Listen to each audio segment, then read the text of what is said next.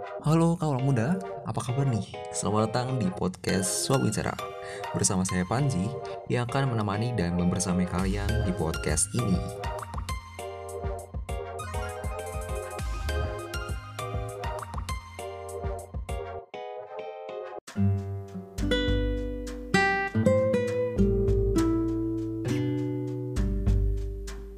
Dalam program Soloteh kali ini, kita bakal bahas nih tentang sebuah topik yang sebenarnya cukup sederhana, tapi sebetulnya sangat fundamental bagi kita semua, yaitu adalah tentang manifestasi bahagia sebagai seni kehidupan.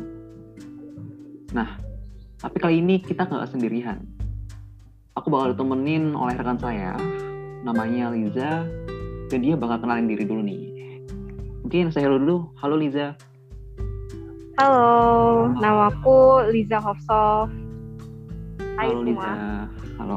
Nah, Liza, kita bakal bahas nih tentang yang aku Mhm. sebut tadi. Kita bakal bahas tentang sebenarnya gimana sih kita menciptakan kebahagiaan, gimana sih cara kita menciptakan pola pikir yang positif gitu kan. Nah, cuman Iya, aku iya. uh, bridging dulu ya sempat semacam pengantar ya. Jadi Mm-mm. udah hampir setahun lebih ya kita itu mengalami posisi pandemi di mana uh, rasa kecemasan, rasa kesedihan, bahkan sering banget nih kita mendengar kata-kata duka yang itu semakin bikin kita Betul. gitu kan. Nah apalagi Betul, betul.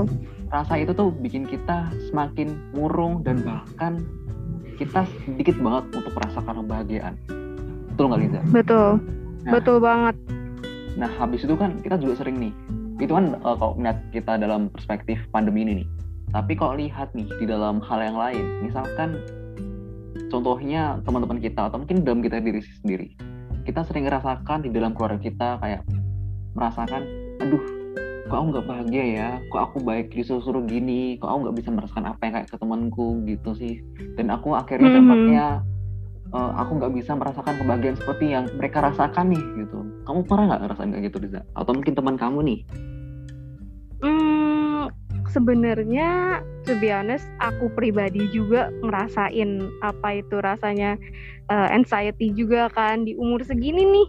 Di udah memasuki umur 20 tahun tuh kerasa banget yang namanya mulai cemas, mikirin ke depannya aku harus gimana, apalagi di masa pandemi. Kok di masa pandemi teman-teman aku masih pada itu ya, masih pada eksis ya, masih pada produktif ya. Kok aku kayaknya jadi down yang seperti itu loh itu aku ngerasain banget sih kak Berarti sebenarnya hampir semua orang yang ngerasain kayak gitu ya Riza ya. betul betul Nah, tapi sebenarnya dia tahu kan, gimana pun kondisi sih, kita sebenarnya berhak loh untuk bahagia. Ya nggak Riza?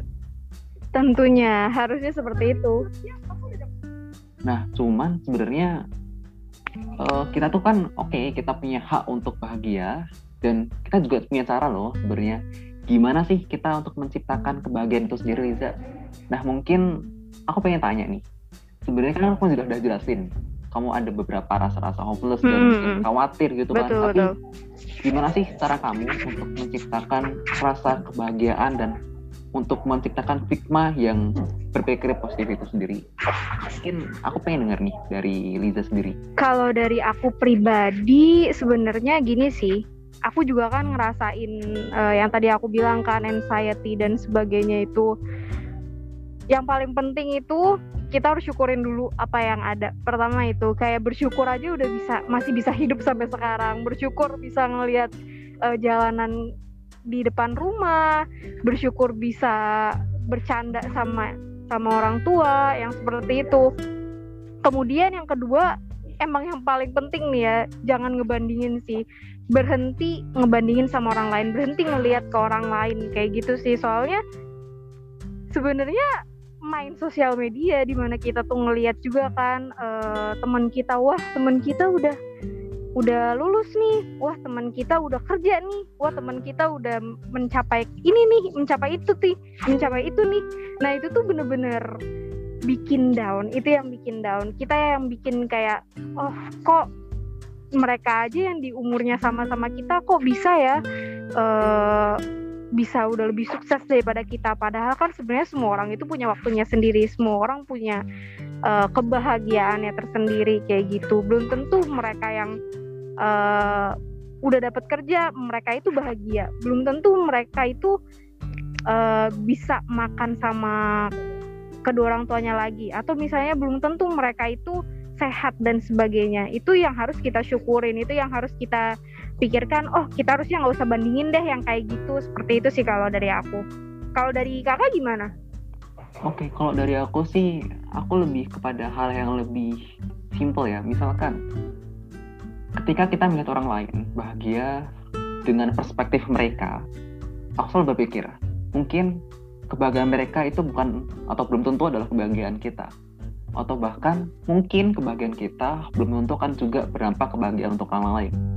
Jadi, ketika aku melihat hal demikian, misalnya, oh orang lagi bahagia banget, oke aku tetap berlaku dan berpikir secara positif bahwasannya oke itu perspektif dia tapi aku punya cara kebahagiaanku sendiri. Misalkan pernah gak sih Liza uh, melihat orang-orang yang mungkin butuh atau mungkin orang-orang yang di pinggir jalan gitu kan? Dia dan orang-orang yang butuh banget pertolongan dan dia nggak punya apa-apa misalkan dia butuh misalkan uh, butuh nasi dia atau mungkin butuh uang untuk kehidupan diri gitu kan. Nah kadang kala kita merasa iba gitu kan. Atau mungkin kadang-kadang dengan kondisi kita juga sebenarnya juga mepet nih. Tapi karena rasa iba itu kita punya rasa kesadaran untuk memberi. Nah kadang-kadang pas rasa memberi kita itu kita pernah gak sih kayak ngerasa akhirnya kita langsung aduh kita bisa membantu orang akhirnya kita bahagia. Pernah gak sih gitu oke oke. Jadi bahagianya itu uh, karena orang lain juga ya. Jadi orang apa kontributornya itu orang lain juga nih kalau yang bagi kakak. Betul betul. Jadi sebenarnya pemicu kebahagiaanku itu dengan orang lain. Tapi sebenarnya juga bisa. Ketika hmm. kebahagiaan kita dipicu oleh diri kita sendiri. Misalkan saat ini kita merasa hopeless kita merasakan sedih dan kita merasa semakin tua kok nggak ada semakin nggak ada gunanya sih buatnya gitu kan tapi sebenarnya kita bisa lihat nih dari hal yang kecil kayak tadi um, misalkan dari yang tadi bisa jelaskan dari lingkup keluarga bisa bisa masih merasakan oh rasanya keutuhan keluarga nih berkumpul dengan bapak, ibu ataupun adik gitu kan, makan bareng itu adalah suatu kebahagiaan yang mungkin orang belum tentu bisa rasakan. Dan juga misalkan kebahagiaan, ingat kita juga bisa untuk ingat kebahagiaan-kebahagiaan yang masa kecil kita lakukan. Itulah untuk menstimulus kita sih sebenarnya untuk menciptakan aura-aura positif gitu. Dan bisa tahu nggak sebenarnya kebahagiaan kan juga dibesarkan dari ciptakan kan, bukan kita cari kan. Nah, kebahagiaan itu kita ciptakan dari sebenarnya cara pola pikir kita yang positif. Nah, kemudian dari cara pikir kita yang positif ini, kita bisa untuk menciptakan kebahagiaan di cara murni. Tapi sebenarnya kita track ke belakang nih. Kita harus tahu dulu, tubuh kita terdiri dari dominasi air atau sekitar 60-70% atau bahkan 80% air. Nah, ketika kita mensugesti diri untuk menciptakan pola-pola pikir yang positif, pola pikir yang baik, sebenarnya kita juga sudah untuk mensugesti pola pikir yang baik dan energi yang baik menghasilkan suatu bagian itu sendiri gitu Liza. Itu sih dalam perspektifku gitu. Kalau menurutmu gimana Liza? Atau mungkin ada nggak teman-teman yang kamu cerita nih dia mengalami hopeless atau mungkin yang lainnya gitu? Um, sebenarnya mendengar cerita dari kakak aku juga jadi tersentuh sih. Oh iya ya ternyata ada nih perspektif berbeda kan mengenai kebahagiaan dan aku rasa ya memang nggak ada yang salah kan dari itu itu udah keren banget sih kak um, kalau cerita dari teman-teman aku sendiri sebenarnya emang banyak ya yang uh, cerita dia merasa waktunya tuh lebih luang ketika pandemi sehingga dia bisa uh, merasakan lebih bahagia karena dia bisa mencoba ini mencoba itu. Kemudian ada juga teman aku juga yang down ketika pandemi sama kayak aku yang dia mikirin aduh ini gimana ya? Aduh pandemi harusnya aku bisa gini harusnya aku bisa gitu. Menyalahkan keadaan gitu loh kak.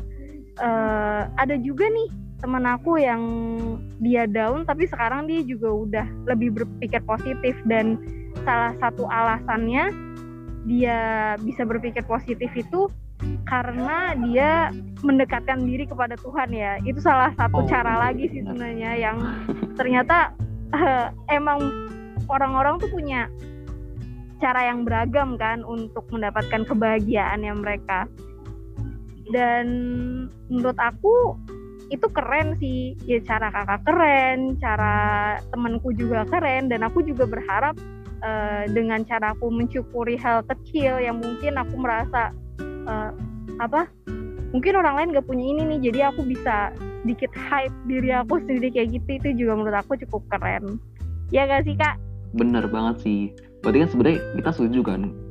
Sebuah kebahagiaan itu adalah suatu perspektif kan? Dan suatu kebahagiaan betul, itu betul. Itu tercipta dengan diri kita sendiri atau mungkin dengan penunjang orang lain gitu Liza ya tapi Benar. secara kesimpulan nih sebenarnya aku bisa melihat dari beberapa perspektif kita yang kita gabungkan ya misalkan hmm? gimana sih cara kita untuk menciptakan kebahagiaan dan juga melahirkan pola pikir yang positif sebenarnya pertama satu hmm? kita berbicara dalam perspektif misalkan kepercayaan atau agama misalkan dalam konteks kita Islam nih gitu kan PR satu hmm. pertama adalah kita harus mendekatkan diri kepada sang pencipta gitu kan misalkan kita beribadah atau kita misalkan lagi banyak keluhan kita lagi sedih, kita lagi hopeless, ada yang ingin kita ungkapkan. Kita lagi emosi tinggi gitu kan. Misalkan, oke, okay, pertama kita harus wudhu dulu. Nah, kemudian sholat dan kemudian kita sering-sering ngobrol sama Allah lewat doa-doa gitu kan.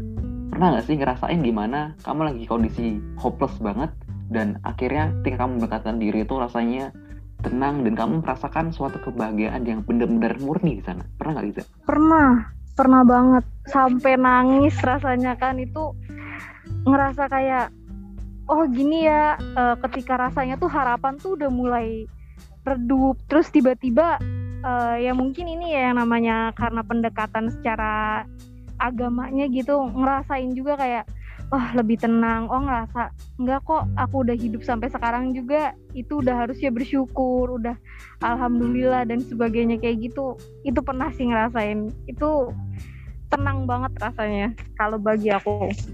Iya, mungkin itu sama sih sebenarnya sama kita semua gitu kan. Sebenarnya cara pertama adalah kita dengan mendekatkan diri kepada Tuhan atau mungkin Sang Pencipta atau menurut perspektif agama masing-masing gitu kan. Misalkan Islam sholat atau mungkin wudhu dan sebagainya atau mungkin agama lain membaca kitab-kitabnya masing-masing gitu. Nah, tapi kalau secara general nih Liza, ada poin kedua yaitu adalah cara bersyukur kita. Sebenarnya dengan cara kita bersyukur kita mampu nih menciptakan rasa kebahagiaan gitu kan. Dan ketiga itu adalah cara untuk meminimalisir untuk kita membandingkan diri kita dengan orang lain. Benar nggak bisa? Misalkan kita lihat, aduh dia kok gini-gini sih, akhirnya kita merasa menghambat untuk mendapatkan kebahagiaan itu sendiri, gitu Liza. Dan betul, poin terakhir, betul. dan poin terakhir uh, sebenarnya ada satu cara lagi yaitu kita lihat sekeliling kita dan kita coba bisa nggak untuk menciptakan kebahagiaan dari sekeliling kita Nah, misalkan dari kita menolong, membantu dan sebagainya gitu. Dan semakin lama, semakin lama kita menciptakan pola-pola pikir yang baik juga, bahkan lebih positif lagi gitu. Dan ada lagi nih sebenarnya ini juga sampai aspek yang benar-benar penunjang tapi sebenarnya penting nih Di mana hmm, kita harus menciptakan pola lingkungan yang sehat dan baik. Pernah dengar Bener gak? banget. Misalkan bener, bener, gimana bener. kita itu untuk uh, menjadi orang baik misalkan di Islam pernah bilang kan sebenarnya kita bisa loh untuk menjadi orang-orang soleh salah satunya apa berkumpul dengan orang-orang yang soleh gitu kan Iza betul nah, betul makanya, bahkan ada pepatahnya kan ya mm, uh, ada pepatahnya kalau kalau mau wangi ya deketnya sama tukang penjual parfum, parfum gitu kan bener iya makanya betul, kita harus betul. nih deket-deketin diri nih sama orang-orang yang mungkin punya aura-aura positif, aura-aura yang baik. Nah, makanya insya Allah nih, ketika kita mendekatkan diri dengan orang-orang itu, kita juga memiliki aura-aura yang sama dengan mereka, gitu Liza. Nah, jadi sebenarnya kita harus juga nangkep ya beberapa poin yang mungkin bisa juga diterapin ke teman-teman sekalian kan Liza? Betul, harus banget malah.